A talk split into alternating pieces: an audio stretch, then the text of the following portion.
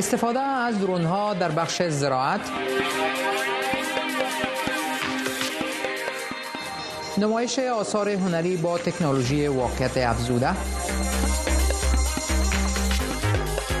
معرفی موتر کاملا برقی شرکت فلوکس واگون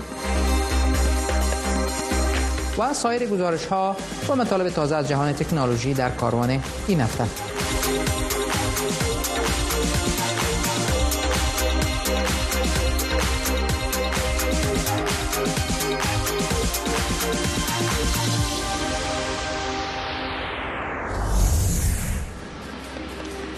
سلام. داود صدیقی یم او د کاروان اونیزې خبرونه کتو ته مرابولم په غانا کې یو شمیر بزګر د خپل کښتونو څخه د نظارت کولو په خاطر له دونو څخه کار اخلي. زراعتي کوپراتیفونه د ټکنالوژي د موثریت په لور یو مثبت ګام بولي. خو یو شمیر خلک وایي دغه ټکنالوژي ډیره ګرانه ده او خایي بیوزلي بزګر لازمه ګټه ورڅخه وانه خلی نور تفصیل ریپورت د غانا د وریجو په یو کرونده کې 28 کلن جورج مجید وي د کښت نظارت لپاره د خپل ډرون د پورته کېدو ننداره کوي. لکم ډرون څخه چې موږ ګټه اخلو د زراعت لپاره په خاص شکل جوړ شوی. د ډرون د حشراتو ناروغیو او د کښت د اوبو کولو په څیر شیانو څارنه کوي ماجد وی د امریکا په متحده ایالاتو کې زیږیدلی او همالته لوی شوی دی. خو د افریقا له اطرافي سیمو او ډرون سره د علاقې لامل افریقا ته تللی او د زراعت په برخه کې ډیجیټلي تحول پیل کړی. موږ معمولا له هغه زراعتي کوپراتیفونو سره کار کوو چې د کمو ځمکو د لیدونکو شاوخوا 300 بازګر پکې سهم ولري.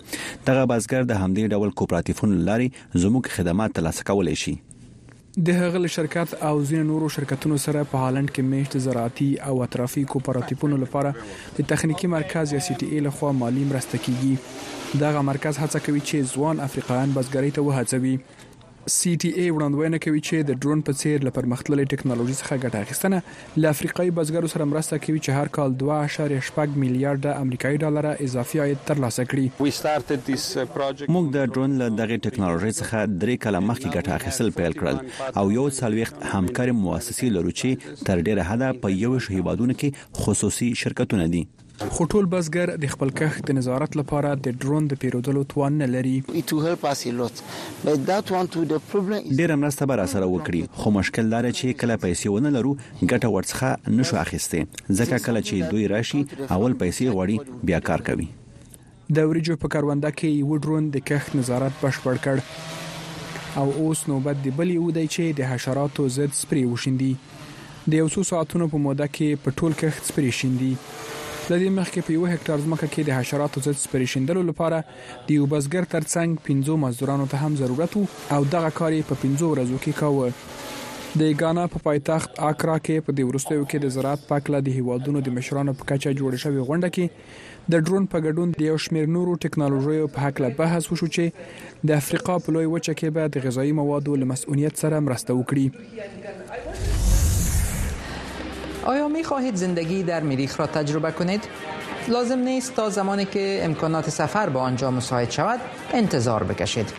استرولند یک سازمان فضایی اسپانیا محیط مشابه با مریخ را در مقاره یک کوه در شمال اسپانیا ایجاد کرده است این محیط مشابه با مریخ ایستگاه اریس نام دارد و بازدید کنندگان می توانند برای مدت زندگی در آنجا را تجربه کنند شرح بیشتر در این گزارش ساینسدانان، معماران و انکشاف دهندگان یک مغاره بزرگ در اعماق کوههای کانتابریا واقع در شمال اسپانیا را به یک مکان بورباش انسانها تبدیل کردند که شرایط آن شبیه شرایط زندگی در مریخ است.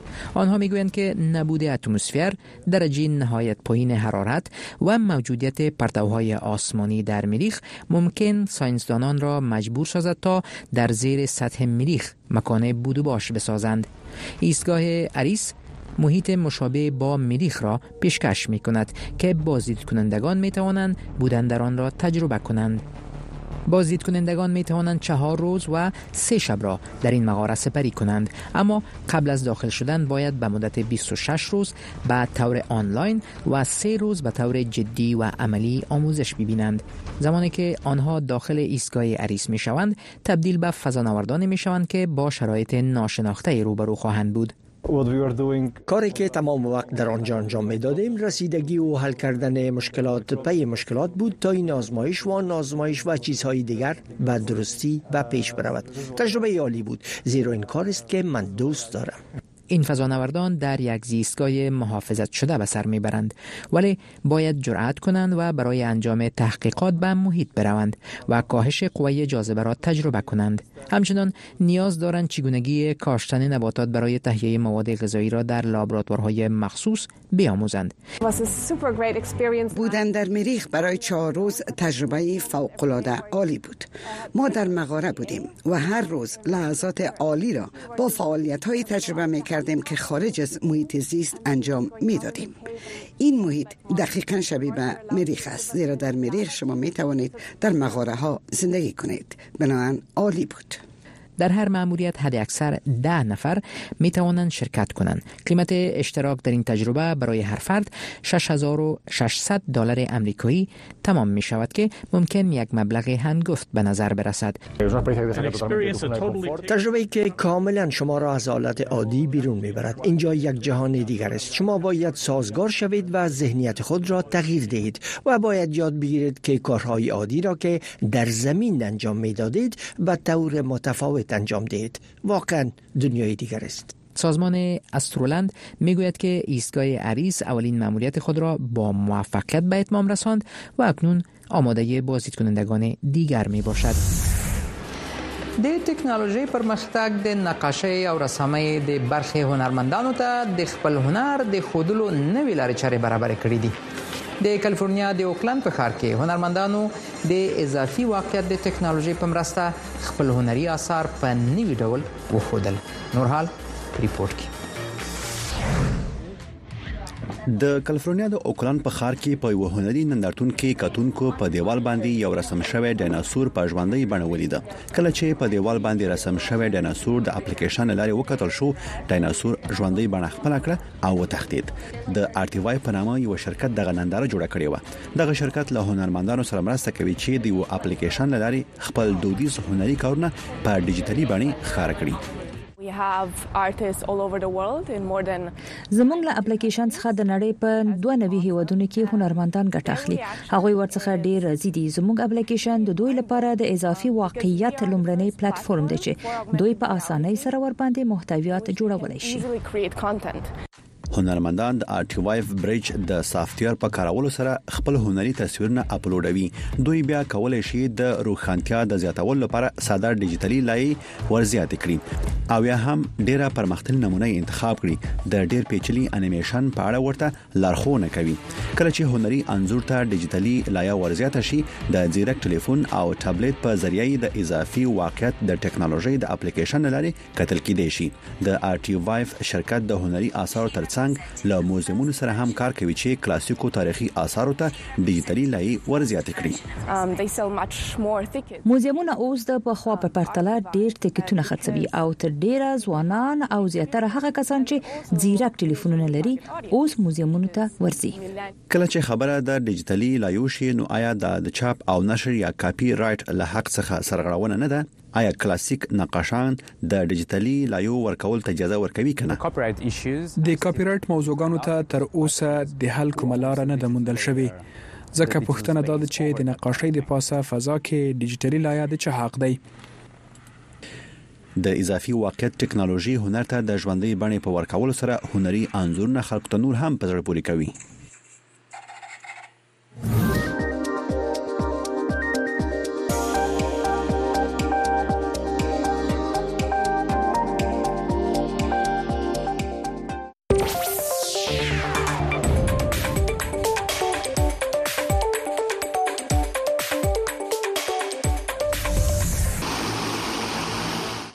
جالب از آلمان. شرکت های کوچک و شمول شرکت آلمانی ولوکوپتر در رقابت با شرکت اوبر و ایربس نوع درون تاکسی را ساخته است. ولوسیتی که به شکل یک هلیکوپتر کار می کند با انتقال دو مسافر و حدود 35 کیلوگرم با سرعت 110 کیلومتر در ساعت حرکت می کند سفر امتحانی را موفقانه تکمیل نموده و در شهر اشتوتگارت آلمان تاکسی پرواز کننده پروازهای امتحانی را نیز انجام می دهد کسی که ولوکوپتر را ساخته شرکت شرکت های موترهای بنس آلمانی است که 10 فیصد در این بخش سرمایه‌گذاری نموده است این شرکت تلاش دارد تا در رقابت با شرکت اوبر بتواند در آلمان اولین تاکسی های درون را فعال بسازد and this is one of my creations. در گزارش جالب دیگر از سنگاپور ربات مانند اسکایپ کار می کند که دسته دارد. یک مختری ربات ها در سنگاپور نوع ربات را ساخته است که با بلند کردن دست برای شما اشاره می کند و با دست شما دست خود را می زند این ربات تا نصف اتاق حرکت می کند و اسمان ادگار است که حرکات چهره آن دیده می شود این ربات دو دست دارد و در عوض پای روی دو تیر لولایی حرکت می کند حرکات شما را تقلید می‌کنه و با شما دست می‌دهد. این نوع ربات بیشتر مانند محرک شخصی میمونه که بر انجام کارهای دشوار و سخیلتر طراحی شده است. افراد می‌خواهند از ربات ها برای کارهای روزمره همچون آشپزی و غیر ارتباطات استفاده نمایند. در خبر جالب دیگر باز هم در ارتباط با ربات ها از آلمان نوع جدید رباتی که بیشتر جالب یا وحشتناک خوانده شده برای شما و سگ شما ساخته شده است. این نوع ربات که به شکل یک بازیچه ساخته شده است در نمایشگاه تکنولوژی برلین مورد توجه قرار گرفت. ورام ایوان خانگی برای ورزش می تواند بهترین دوست شما در زندگی باشد. در این زمانی ربات برای یک سگ مانند استخوانی که بان میمکد حرکت می کند شرکت مبتکر ورام این نوع ربات را برای امراهی سگ ها و پشک های خانگی در غیاب مالک آنها طراحی شده است. تا آنها از دوری مالک خود دچار استراب نشوند.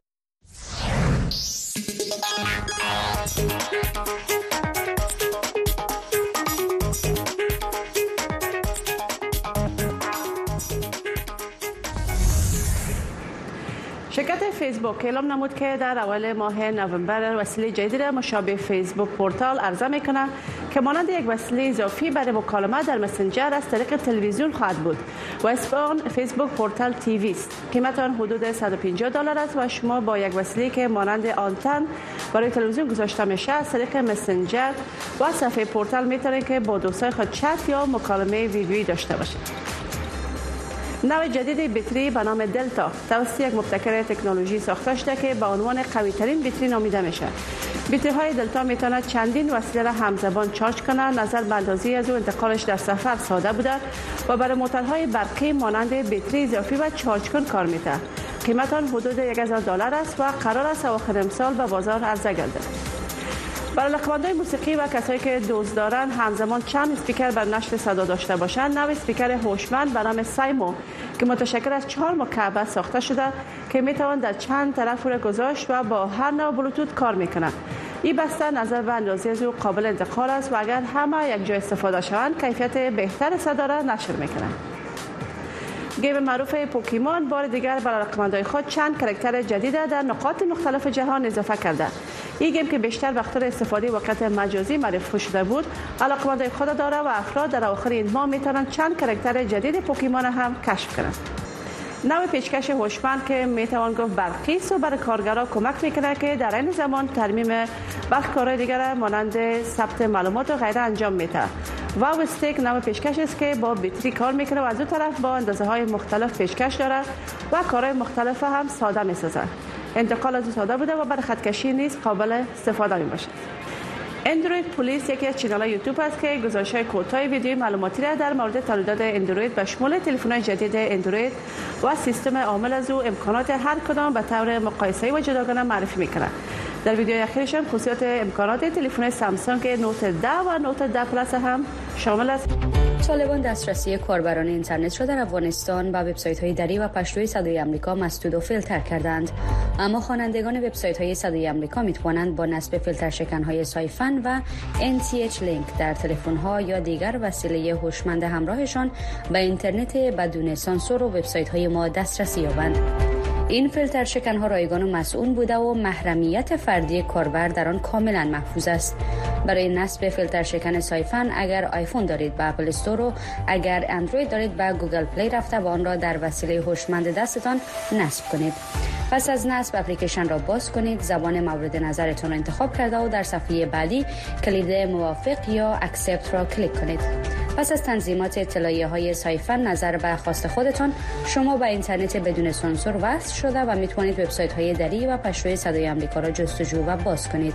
همچنین برای نصب کردن اپلیکیشن NTH لینک اگر آیفون دارید به پلی استور و اگر اندروید دارید به گوگل پلی رفته و این اپلیکیشن را در وسیله هوشمندتان نصب کنید. پس از نصب اپلیکیشن را باز کنید کلید موافقم یا آی را کلیک کنید. در صفحه بعدی کلید اتصال یا کانکت را فشار داده و سپس کلید اوکی را فشار دهید.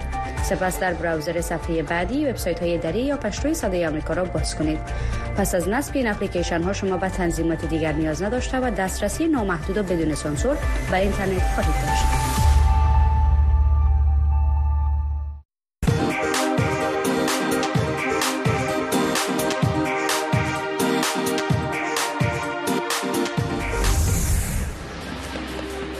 فلیکس واگن شرکت موترسازی آلمانی موتر برقی جدیدی را معرفی کرد که گفته می شود تغییر بزرگی را در صنعت موتر به میان خواهد آورد.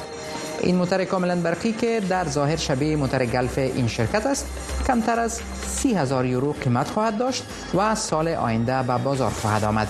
شرح بیشتر در گزارش.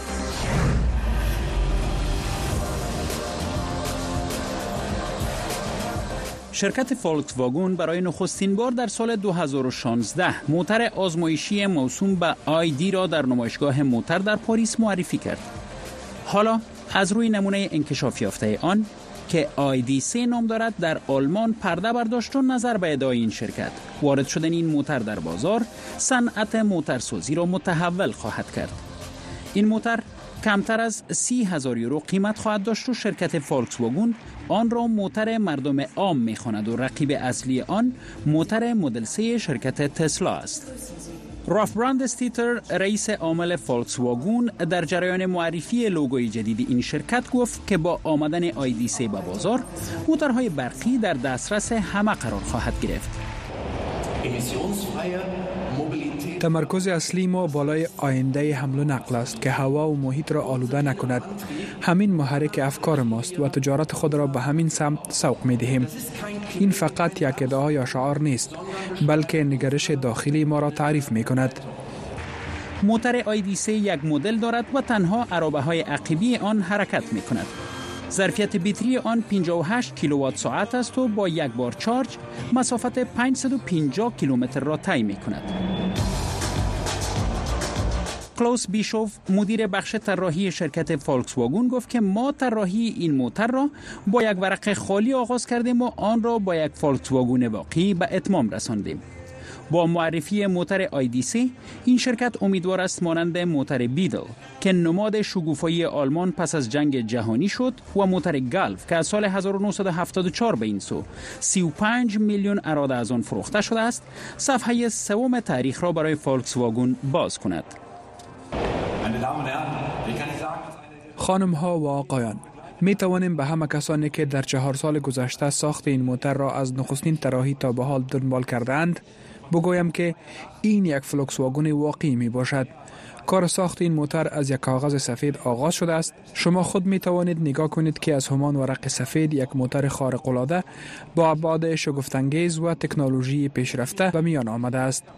به شما وعده می دهم در حالی که می توانم بیشتر خود نمایی کنم هر کیلومتر را که شما با این موتر طی خواهید کرد لذت بخش خواهد بود. فولکس واگون برای موفقیت موترهای برقی خود از توانایی های گسترده اقتصادی و تولیدی که دارد استفاده می کند. این شرکت می گوید که تا سال 2023 در حدود 30 میلیون یورو را در این بخش سرمایه گذاری خواهد کرد. این شرکت سال گذشته 10.8 میلیون موتر فروخته است و در نظر دارد تا سال 2030 40 درصد درآمد آن از موترهای برقی باشد. په لاس انجلس کې د ازمایښتي موټرو نندارتون د نویو ډیزاینونو او ټکنالوژیو د خودلو ځای دی. خو اکثر ازمایښتي موټر خی هیڅ کله هم بازار ته رانشي او د یوې نظریې په توګه پاتې شي. په دغه نندارتون کې یو شمېر خودل کیدونکو ازمایښتي موټر د فیشن د نندارتونونو په شان یوازې د موټرو د تولیدونکو د تشویق لپاره خودل کیږي نو تفصیل په دې ریپورت کې لمړنۍ نمونه موټر بیوویک وای جاب په 1938 کال کې د جنرال موټر شرکت د موټرو د ډیزاینونکو هارلی ایرل لخوا جوړ شو. دا لمړنۍ موټر چې د مخې څراغونه خپل په بمپر کې جوړ شوی وو. اولای ده نه ور پورې نصب شوی دغه موټر همدارنګه برقي خې درلودي دا لومړنی نمونه ډیزاین شوی موټر دا موټر د یو هدف لپاره ډیزاین شوی وو او هغه دا چې و خود شي پراتون کې څه ډول او د کوم مشخصاتو د لودونکو موټر تولیدېږي د بیویک وای جاب موټر همدارنګه لمړنۍ موټر چې د انجنیرانو ترڅنګ ډیزاینرانو یې په جوړولو کې برخه اخیستې و په دې هدف چې موثریت او سټایل سره یو ځای کړي. خو اوس شاوخوا اتیا کال وروسته د لوتوس اویجا برقي سپورتي موټر جوړونکي هم هڅه کوي چې د شکل او فعالیت له لحاظه یو بشپړ ښه موټر جوړ کړي. دغه برقي موټر د 3 ثانیو په موده کې له 0 کیلومتر څخه تر 100 کیلومتر پورې سرعت اخلي او اعظمي سرعت په ساعت کې 360 کیلومتر دی. د دې ډول یو کارکړدګۍ د ترلاسه کولو لپاره دغه موټر سپک جوړ شوی کوم مشخصات چې موږ دغه موټر ته ورزيات کړی ډیر جالب دي. موږ له سپورټي موټرو په الهام اخیستو د موټر په داخلي او بیرونی برخو کې د هوا جریان تنظیم کړي که څه هم د لوتس اویجا موټر د عامه تولید لپاره نه دی ډیزاین شوی خو د لوتس شرکت وای یو سلو د شرادي به تولید کړي. یو شمیر نمونه موټر سایکلونه هم او خودل شول. د کورتز موټر سایکل شرکت د زوس ریډیال وی 8 په نامه خپل برقي موټر سایکل وخود چې بټري په خاري سیمو کې تر 200 کیلومترو او په لوی لارو د سفر کولو پر مهال تر 100 کیلومترو پورې چارج ساتي. د دغه موټر سایکل د ډیر خرڅلاو یو علت دا دی چې لوړ غږ نه کوي. موږ په داسې وینړې کې ژوند کوو چې د معلوماتو تر بمبارد لاندې یو. د کورتس په موټر سایکل په سپریدو سره غواړو خپل مشتریانو ته فرصت ورکړو چې خپل ځانون ته متوجي شي. نمونه موټر ټول په راتلونکي کې د موټرو د تولید د څرنګوالي په خاطر جوړ شوی دی له دغه ډیزاینونو څخه په الهام اخیستو انجنیران هڅه کوي چې د راتلونکي لپاره ښه موټر ډیزاین کړي.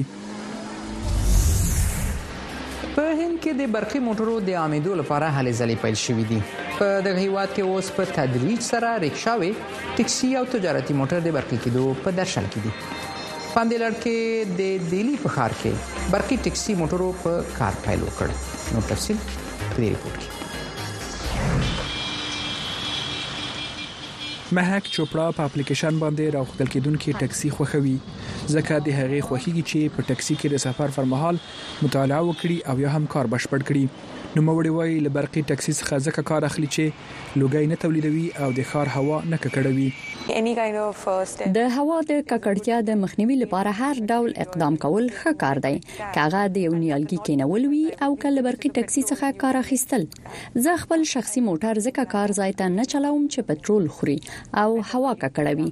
زه په حقیقت کې د ډیلی د ښار د پاکوالي لپاره یو څه کوم د بلو سمارټ موبیلیټي په نامه د برقي ټاکسي خدماتو شرکت خپل خدمات سکهال پیل کړل ځکه د حکومت لخوا د مالیاتي مشوقاتو لامل یې بیا ارزانه ده او فعالیت وده او دوام پیدا کولای شي. حکومت همدارنګه د دغه موټرو د چارجولو د سټیشنونو او بټریو په برخه کې د مالی مرستې ژمنه کړې.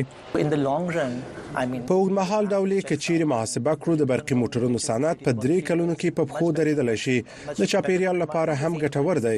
د یو برقي موټر چلول ډیر موثر دی او د برقي موټرونو د خدماتو اداره کول هم ډیر ارزانه دي دغه شرکت راتلونکي ته خوشبین دی او په پام کې لري چې د روان کال تر پایه 1500 برقي ټاکسي موټر خدمت ته چمتو کړي.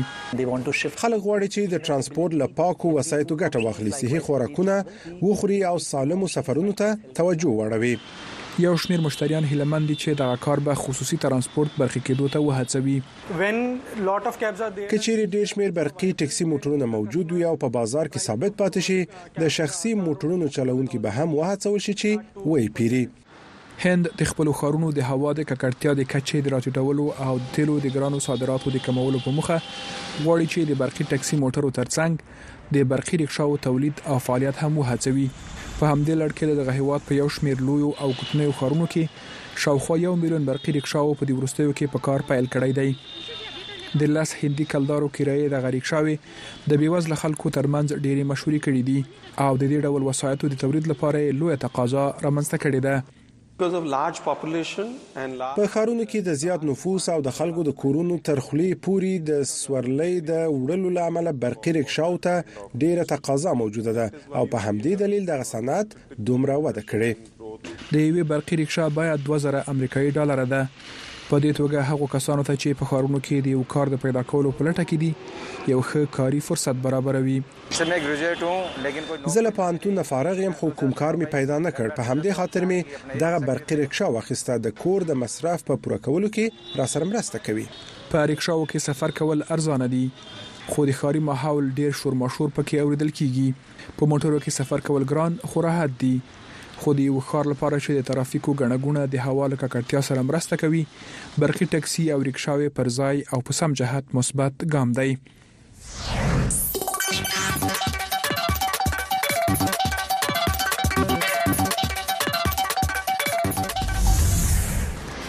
د کورنیو اشپزانو لپاره د اشپزۍ آنلاین ویډیوګانې ډېر ګټورې دي خو په اشپزخانه کې له موبایل ټلیفون څخه ګټه اخیستل اسانه نه وي.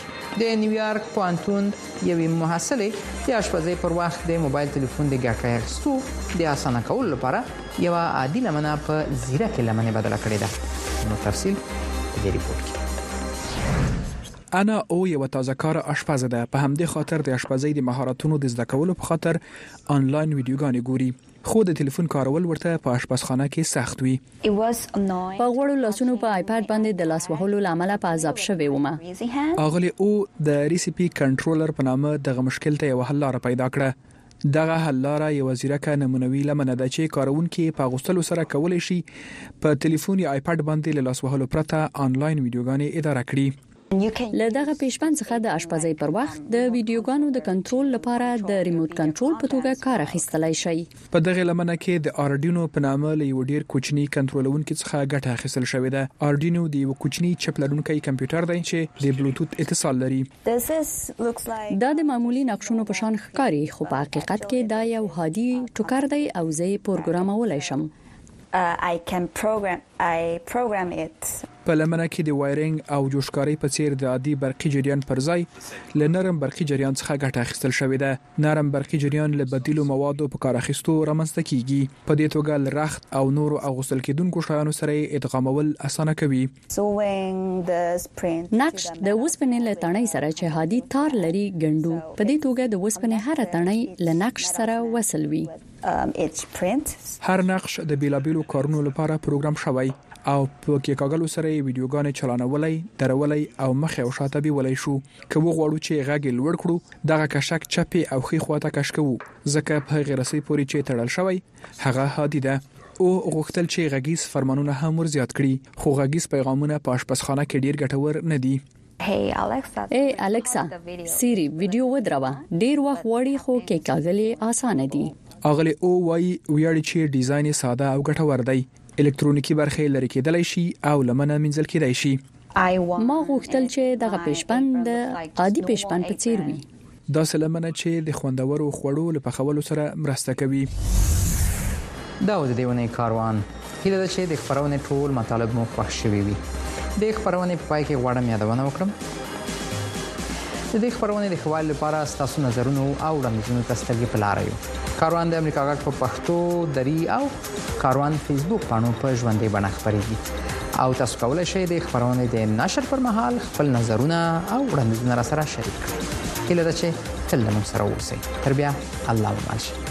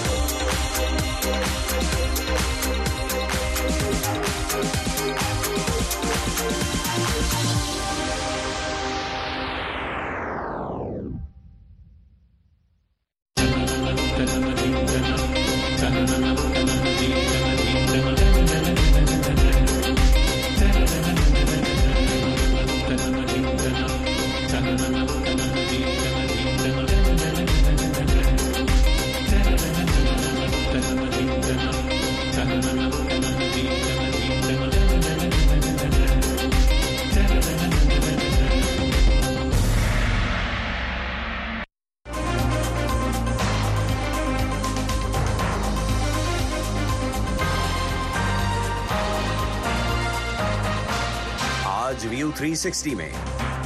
پاکستان کی آئندہ آنے والی حکومت کو تسلیم نہ کرنے کے لیے صدر بائیڈن کو امریکی کانگریس کے اکتیس اراکین کی طرف سے خط بھیجنے والے رکن کانگریس گریگ کازار سے ہماری خصوصی بات چیت۔ اور جانیں گے تجزیہ کاروں سے کہ اس خط کے کیا اثرات ہو سکتے ہیں۔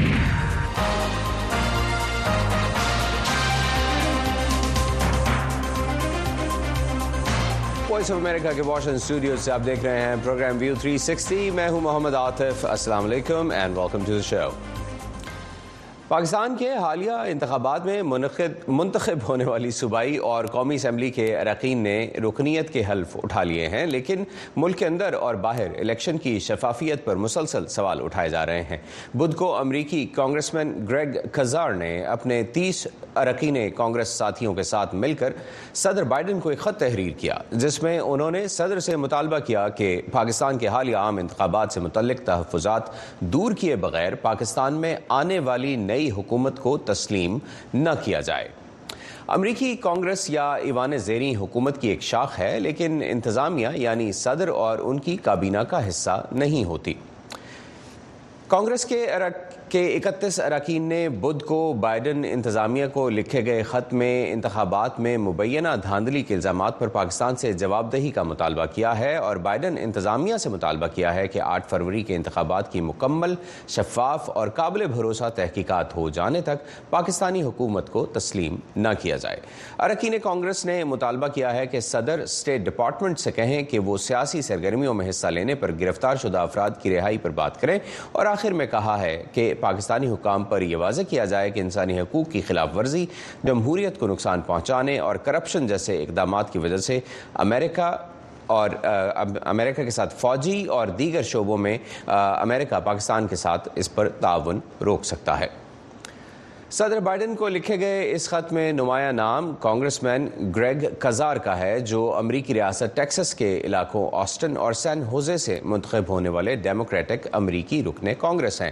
ہماری ساتھی ارم عباسی نے ان سے بات کی کہ کیوں انہیں پاکستان میں ہونے والے عام انتخابات کی شفافیت پر خدشات ہیں۔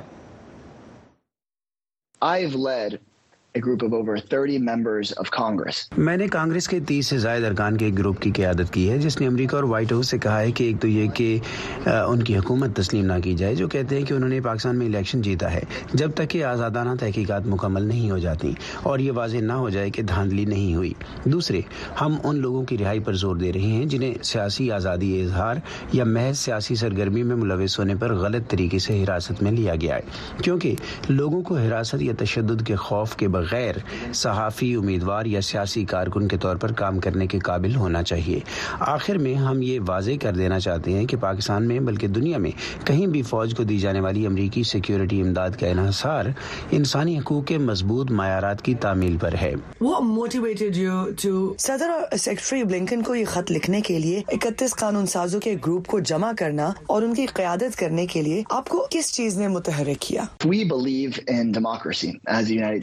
اگر ہم امریکہ میں جمہوریت پر یقین رکھتے ہیں تو ہمیں ہر جگہ جمہوریت پر یقین رکھنا چاہیے خاص طور پر جب بات ہمارے اتحادیوں کی ہو۔ میں نے خود طویل عرصہ مطالعہ کیا ہے کس طرح امریکہ نے لاطینی امریکی ملکوں میں جمہوریت کو دبایا۔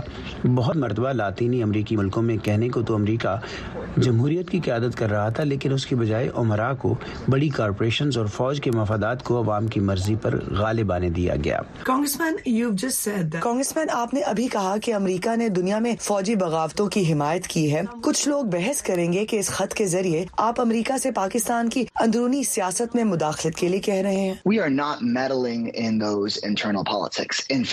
ہم اندرونی سیاست میں مداخلت نہیں کر رہے ہیں۔ در حقیقت سوال یہ ہے کہ آیا وہاں آزادانہ اور منصفانہ انتخابات ہوئے ہیں یا نہیں؟ تو ہماری دلچسپی یہ نہیں کہ کوئی ایک گروپ یا دوسرا گروپ الیکشن جیتے۔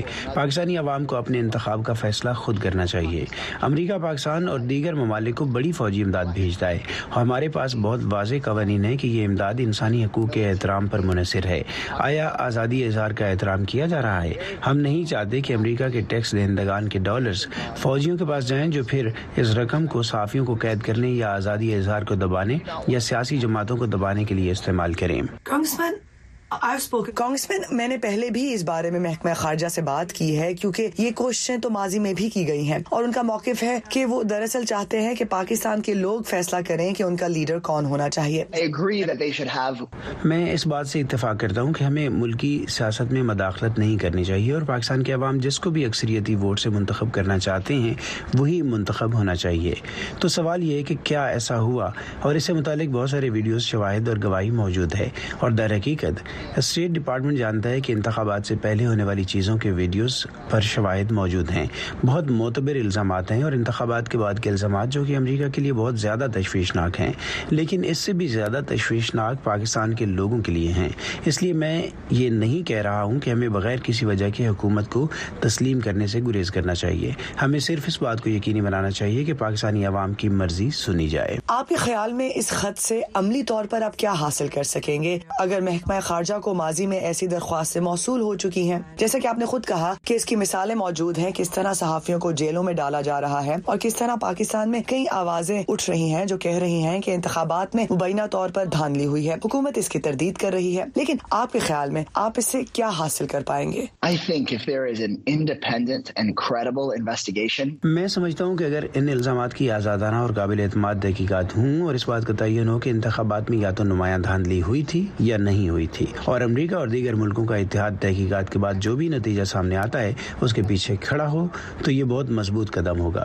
یہ عالمی سطح پر بہت عام ہے اور امید ہے کہ ہمیں مزید مستحکم اور محفوظ اور جمہوری پاکستان حاصل کرنے میں مدد ملے گی، جو پوری دنیا کے لیے اچھا ہے۔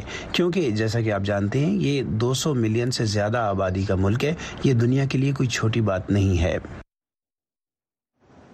اس خط اور اس میں کیے جانے والے مطالبات پر ہم نے پاکستان کی وزارت خارجہ کی ترجمان ممتاز زہرہ بلوچ سے سوال کیا، تو انہوں نے کیا کہا؟ آئیے آپ کو دکھاتے ہیں۔ دیکھیں جی ہمارا ہمارا ایک ہی موقف ہے، ہمیشہ سے یہی رہا ہے کہ پاکستان ایک خود مختار ملک ہے اور پاکستان کی ڈیموکریسی ایک وائبرنٹ ڈیموکریسی ہے، اور یہاں پر انسٹیٹیوشنس ہیں میکنزمس ہیں، عدالتیں ہیں، جو اس طرح کے کوئی بھی شکایات کو، ان کے مسائل کو حل کرنے کی پوری کیپیسٹی رکھتے ہیں، اور پاکستانی عوام اور Pakistani institutions are have the capability to resolve this case these issues as well Voice of America نے پاکستان کی قومی اسمبلی کے نو منتخب نمائندوں سے بھی اس خط کے بارے میں گزشتہ روز بات کی۔ انہوں نے کیا کہا؟ آئیے آپ کو دکھاتے ہیں۔ پاکستان نہیں دنیا بھر کے تمام ممالک جہاں جمہوری سسٹم ہیں ان کا فرض ہے کہ پاکستان میں بھی جمہوریت کے لیے آواز اٹھائیں۔ بنیادی انسانی حقوق کی پامالی کے خلاف آواز اٹھائیں۔ جو نیشنل ہمارا سوئنٹی ہے میں چاہتا ہوں بلکہ ایک عام پاکستانی بھی کبھی بھی کمپرومائز اس میں نہیں کرے گا۔ لیکن اس سے پہلے ہمیں ان کو یہ حق نہیں دینا چاہیے کہ وہ ہمارے انٹرنل معاملات پر بات کریں۔ جی۔ مجھے ابھی تو اس لیڈر کا یا اس ڈائریکشن ڈائریکٹرس کا مجھے پتا نہیں ہے۔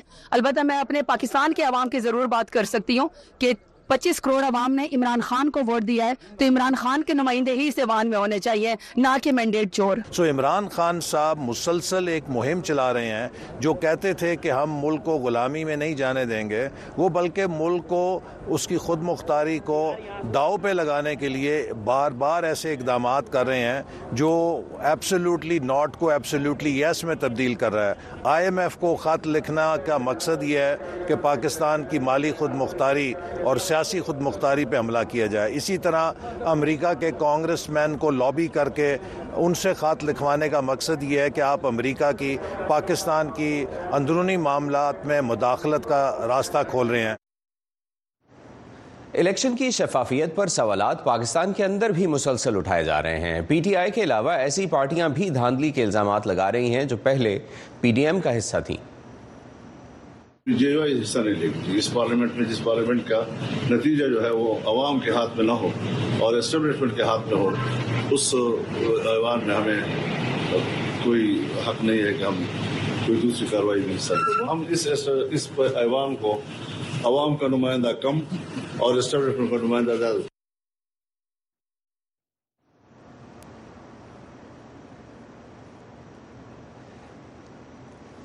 اکتیس امریکی قانون سازوں کی جانب سے پاکستان کے انتخابات کی شفافیت کی تحقیقات کروانے کے لیے بائیڈن انتظامیہ کو لکھے گئے خط کا پاکستان کی اگلی حکومت اور امریکہ کے ساتھ اس کے تعلقات پر کیا اثر پڑ سکتا ہے؟ اس پر بات کرتے ہیں تجزیہ کار فیضان حق سے، جو پاکستان امریکن کانگریس کے ایک فعال رکن رہے ہیں اور آج کل اے پی پیک کا حصہ ہے یہ تنظیمیں جو یہاں امریکہ میں کام کرتی ہیں، وہ پاکستان کے مفادات کے لیے اور یہاں بسنے والے پاکستان پاکستانیوں کے مفادات کے لیے جو ایوان اقتدار ہیں، ان میں آواز اٹھاتی ہیں۔ فیضان صاحب، بہت شکریہ، آپ ہمیں جوائن کر رہے ہیں۔ آپ جو یہاں کمیونٹی کی ایکٹیویٹیز ہوتی ہیں، ان کا حصہ ہوتے ہیں اور یہاں پر پاکستانی کمیونٹی جو پی ٹی آئی کے ساتھ منسلک ہے، وہ بہت زیادہ سنجیدگی سے کام کر رہی ہے۔ اس لیے آپ کے تعارف میں یہ باتیں کہنا ضروری تھی۔ کتنی سنجیدگی سے دیکھا جانا چاہیے اس خط کو جو اکتیس اراکین کانگریس نے صدر بائیڈن کو بھیجا ہے۔ جی عاطف شکریہ آپ کا۔ میں اس کے انالیسس جو ہے وہ کوشش کروں گا کہ میں اکیڈیمک سٹائل سے کر سکوں پولیٹیکلی تاکہ اس کو ہم زیادہ اچھے اس کے سمجھ سکیں۔ تو اس میں بہت سے بایسز ہیں اس وقت لیکن یہ جو خط ہے، اس کے دو بڑے اثرات ہوں گے۔ ایک تو یہ کہ یہ ایک سمبولک جیسچر ہے کہ کانگریس یعنی کہ دنیا کا سب سے طاقتور ملک کی جو پارلیمان ہے یا کانگریس جو ہے، اس میں یہ بات جو ہے، وہ زیر بحث آئی ہے اور اتنی زیر بحث آئی ہے کہ پریزیڈنٹ اور جو وزیر خارجہ یا سیکرٹری فارن افیئرز ہیں، ان کو اس کا نوٹس لینا پڑے گا۔ ایک تو اس کی یہ اثر ہے اور یہ بہت بڑا اثر ہے کیونکہ یہ ہسٹری میں چلا جائے گا اور یہ اس کا افیکٹ ہوگا۔ دوسرا جو اس کا اثر یہ ہے کہ اس کے ساتھ جو پی پبلک ریلیشنز مائلج مل رہی ہے اس موقف کو کہ پاکستان میں جو انتخابات ہوئے ہیں، وہ انتخابات شفاف بھی نہیں تھے اور وہ انصاف پر بھی مبنی نہیں تھے۔ اس لیے ان سے بنی ہوئی اسمبلی جو ہے، اس کے آگے ایک بہت بڑا کوشچن مارک آ گیا ہے۔ اس سے پاکستان کی کریڈیبلٹی جو ہے، وہ متاثر ہوتی ہے اور بہت زیادہ متاثر ہوتی ہے۔ اس سے پہلے پی ٹی آئی نے آئی ایم ایف کو انتخابات کی شفافیت کو جانچنے کے لیے خط لکھا ہے۔ اگر بین الاقوامی اداروں اور طاقتور مغربی ممالک اس بارے میں دباؤ بڑھاتے ہیں، تو پاکستان کے سیاسی اور معاشی حالات پر اس کا کیا اثر ہوگا؟ دیکھیے یہ جو جس دنیا میں ہم زندہ رہ رہے ہیں آصف آپ دیکھیے آپ کسی اور شہر میں ہیں میں کسی اور شہر میں ہوں لیکن ہم ایک دوسرے سے بات کر رہے ہیں۔ ہم جس دنیا میں زندہ رہ رہے ہیں یہ دنیا بہت زیادہ ایک دوسرے سے منسلک ہے یعنی کہ کنیکٹڈ ہے۔ ایک چیز دوسرے چیز سے ہمیشہ جڑی رہے گی۔ آ, یا تو ہم نارتھ کوریا ہو جائیں جس کا کوئی نہ کوئی ذکر ہے نہ کسی سے کوئی بات چیت ہے۔ لیکن ہم ایک ایسا ملک ہیں پاکستان جو کہ ایشیا کے دل میں رہتا ہے۔ جس کو جو کہ ایک برج ہے کلچرل برج بھی ہے ثقافتی اور سیاسی لحاظ سے اور جغرافیائی لحاظ سے، تو ہم یہ نہیں کہہ سکتے کہ بین الاقوامی ادارے جو ہیں وہ تو ہمارے ساتھ ہمیشہ سے شامل رہے ہیں۔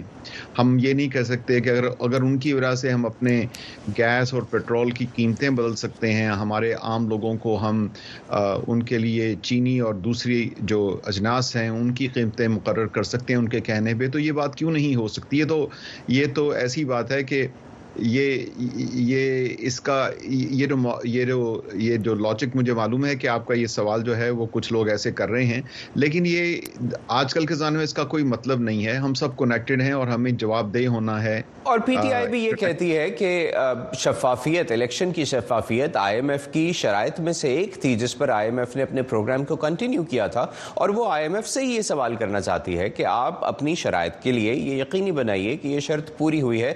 تو کیا یہ خط امریکہ اور پاکستان کے مابین دفاع سمیت مختلف شعبوں میں جاری تعاون میں رکاوٹ کا سبب بن سکتا ہے۔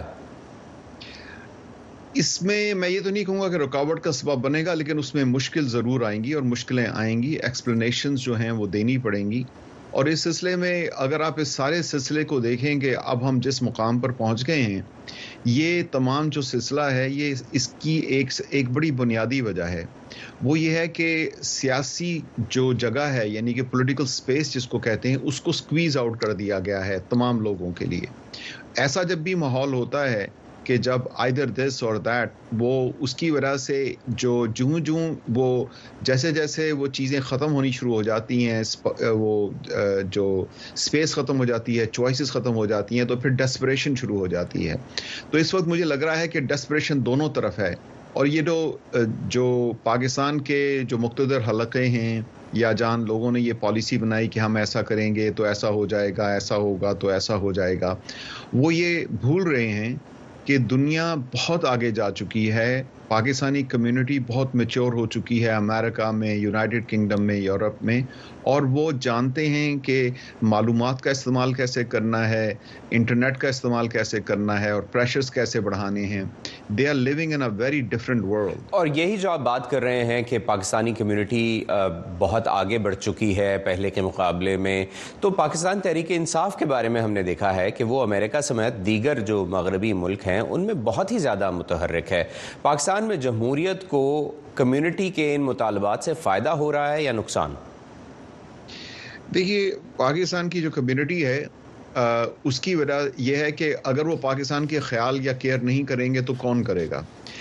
آپ سب جیسے ہم بھی جب بات کرتے ہیں تو ہم کرتے ہیں کہ پاکستان میں آج یہ ہو گیا، پاکستان میں ہم سب کی وہاں پہ خاندان ہیں فیملیز ہیں، ہر کوئی کنیکٹڈ ہے۔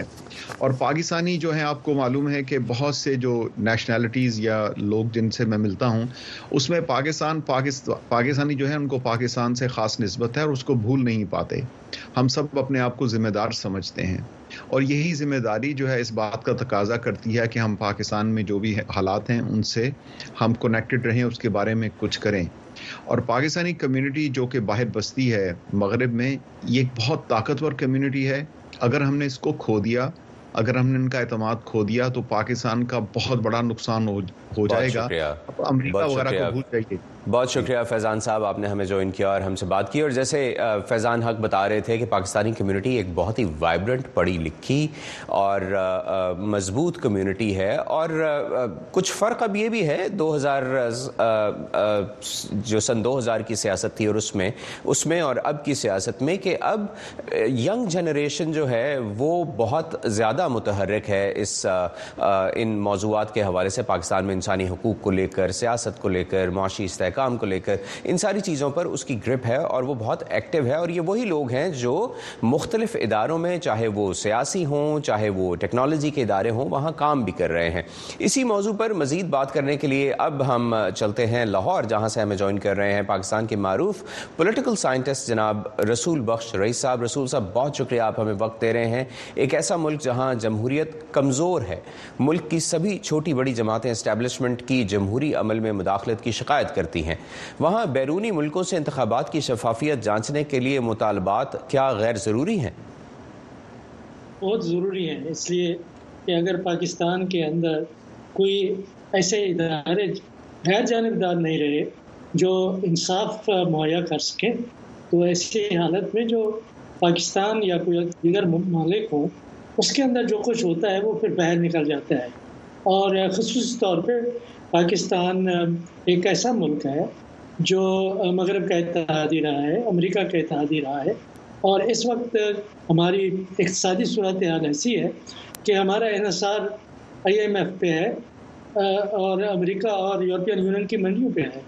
اور دیگر اداروں میں بھی ہم تعلیم ہے، صحت ہے، سائنس ہے، ٹیکنالوجی ہے، تعلیم ہے۔ تو ہم بہت جڑے ہوئے ہیں۔ تو ان اقدار کو جو مغربی دنیا کے اقدار ہیں جمہوریت ہے، انسانی حقوق ہے اور شفاف انتخابات ہیں، ایسی چیزوں کو ہم پاکستان میں نظر انداز نہیں کر سکتے۔ اور پاکستان کی بھی اپنی ایک تاریخ ہے، ایک پس منظر ہے کہ جس میں کہ جمہوریت کے ساتھ لوگ زندہ رہے ہیں، ادارے اس کے مطابق استوار ہوتے رہے ہیں۔ لیکن پچھلے دو ایک سال میں یہاں پہ جو ڈیولپمنٹس ہوئی ہیں، وہ بالکل وہ پاکستان کا جو ایک سفر تھا جمہوریت کی طرف وہ اس کی منافی کرتی ہیں، کسی دوسرے، دوسری سمت میں پاکستان کو لے جا رہی ہیں، تو ظاہر ہے کہ کہ دنیا جو ہے وہ جو کچھ ہوا ہے پاکستان میں، یہ سمجھا جا رہا ہے۔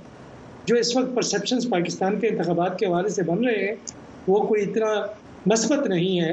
اور حکومت کے لیے ظاہر ہے کہ مشکلات پیدا ہو سکتی ہیں۔ رسول بخش صاحب، آپ کو کیا لگتا ہے؟ جیسے آپ نے کہا کہ ہم جو دنیا کے جمہوری اقدار ہیں، اس سے تھوڑے دور ہوتے جا رہے ہیں۔ کیا وجہ ہے کہ پاکستان میں ایسا ماحول نہ صرف یہ کہ پیدا ہوا، بڑھتا گیا اور اتنا مضبوط نظر آ رہا ہے اب کہ سیاسی جماعتیں، وہ سیاسی جماعتیں جو اس سے پہلے کی حکومت کا حصہ تھیں، وہ اب یہ کہہ رہی ہیں کہ نہیں، یہ الیکشن ٹھیک نہیں ہوئے۔ اور جیسے مولانا فضل الرحمان صاحب کا ہم نے ایک ساؤنڈ بائٹ چلایا، جس میں انہوں نے کہا کہا کہ ہم تو اس اسمبلی کو اسٹیبلشمنٹ کی اسمبلی سمجھتے ہیں۔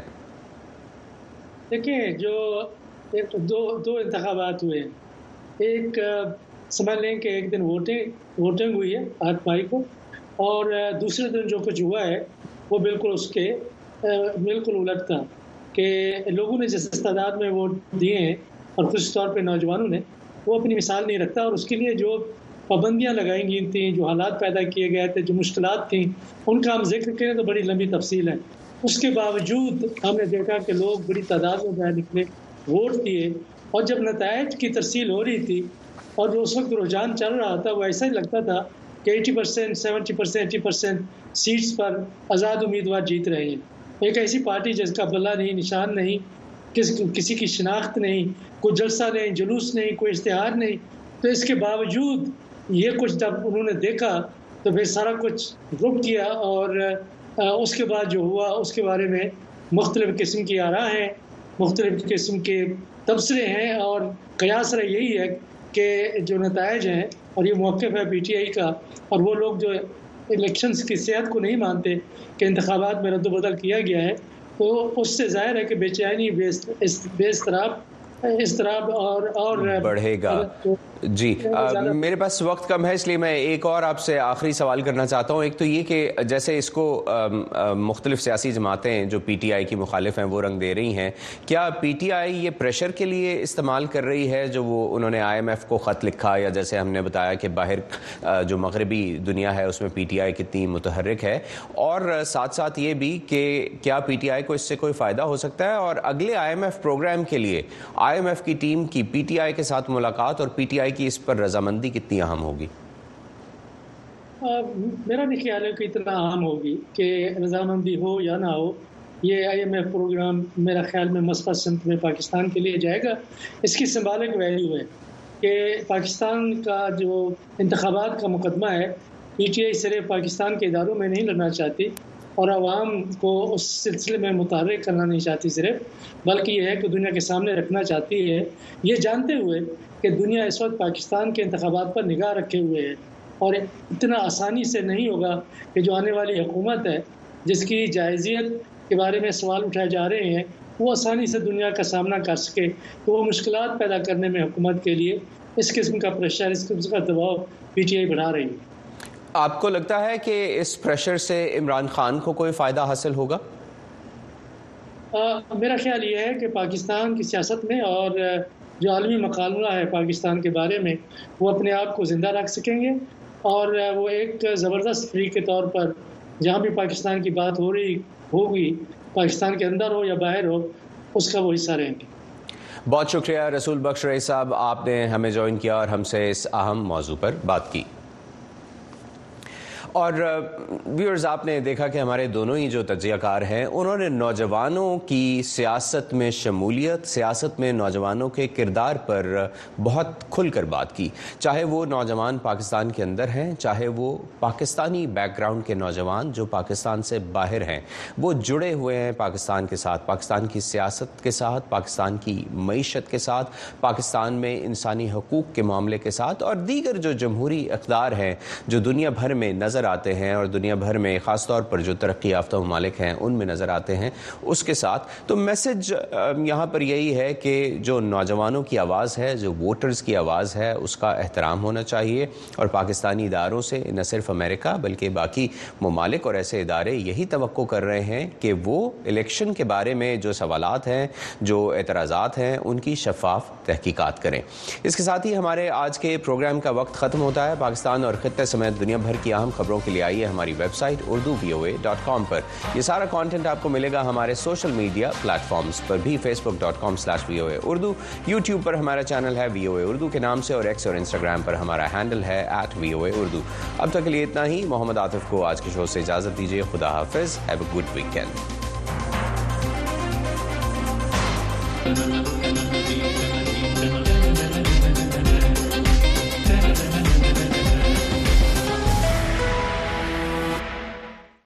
د بدلون په وخت کې. کله چې نړۍ د غیر یقیني سره مخامخ کاری او کله چې موږ ساوو هغه هغه شان نخ کاری چې څنګه وینو. موږ د اړتیا ولټون کوو. موږ ته چې کله نیمګړی قصه ویل کیږي موږ پر باور بیلو. د کڑکېچ په شیبو کې زمون خوبونه امیدونه او د غوړه سباوند لپاره زمون ارزوګانې آزادې میډیا ته اړتیا لري. په وایس اف امریکا کې ممتاز ته داسې خبرونه راوړو چې د قتل لپاره خلک د خطر سره مخامخ کوي. مونږ نړۍ سره یو ځای کوو او اړتیا سره پیوست کوو. په وایس اف امریکا کې مونږ تاسو ته پوره عکس درخایو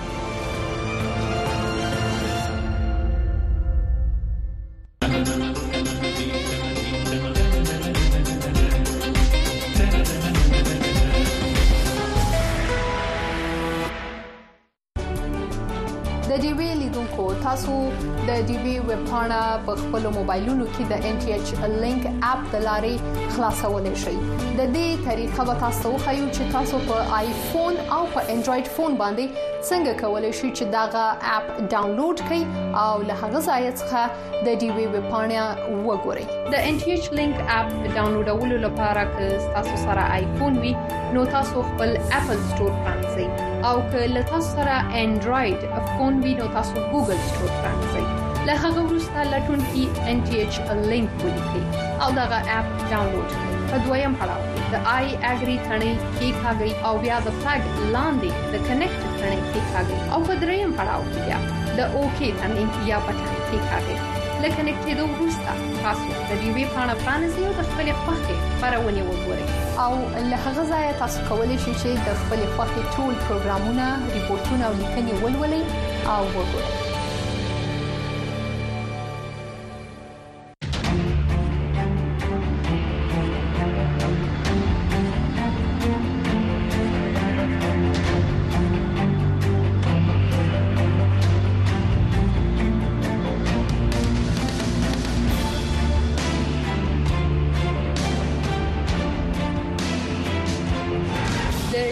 سره اوسئ.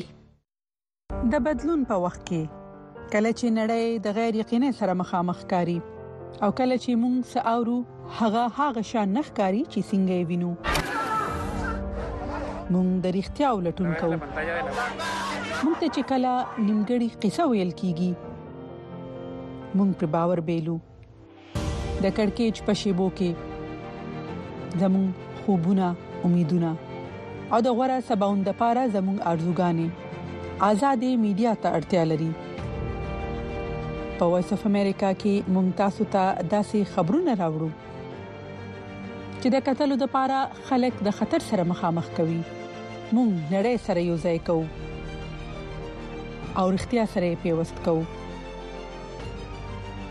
په وایس اف امریکا کې مونږ تاسو ته پوره عکس درخایو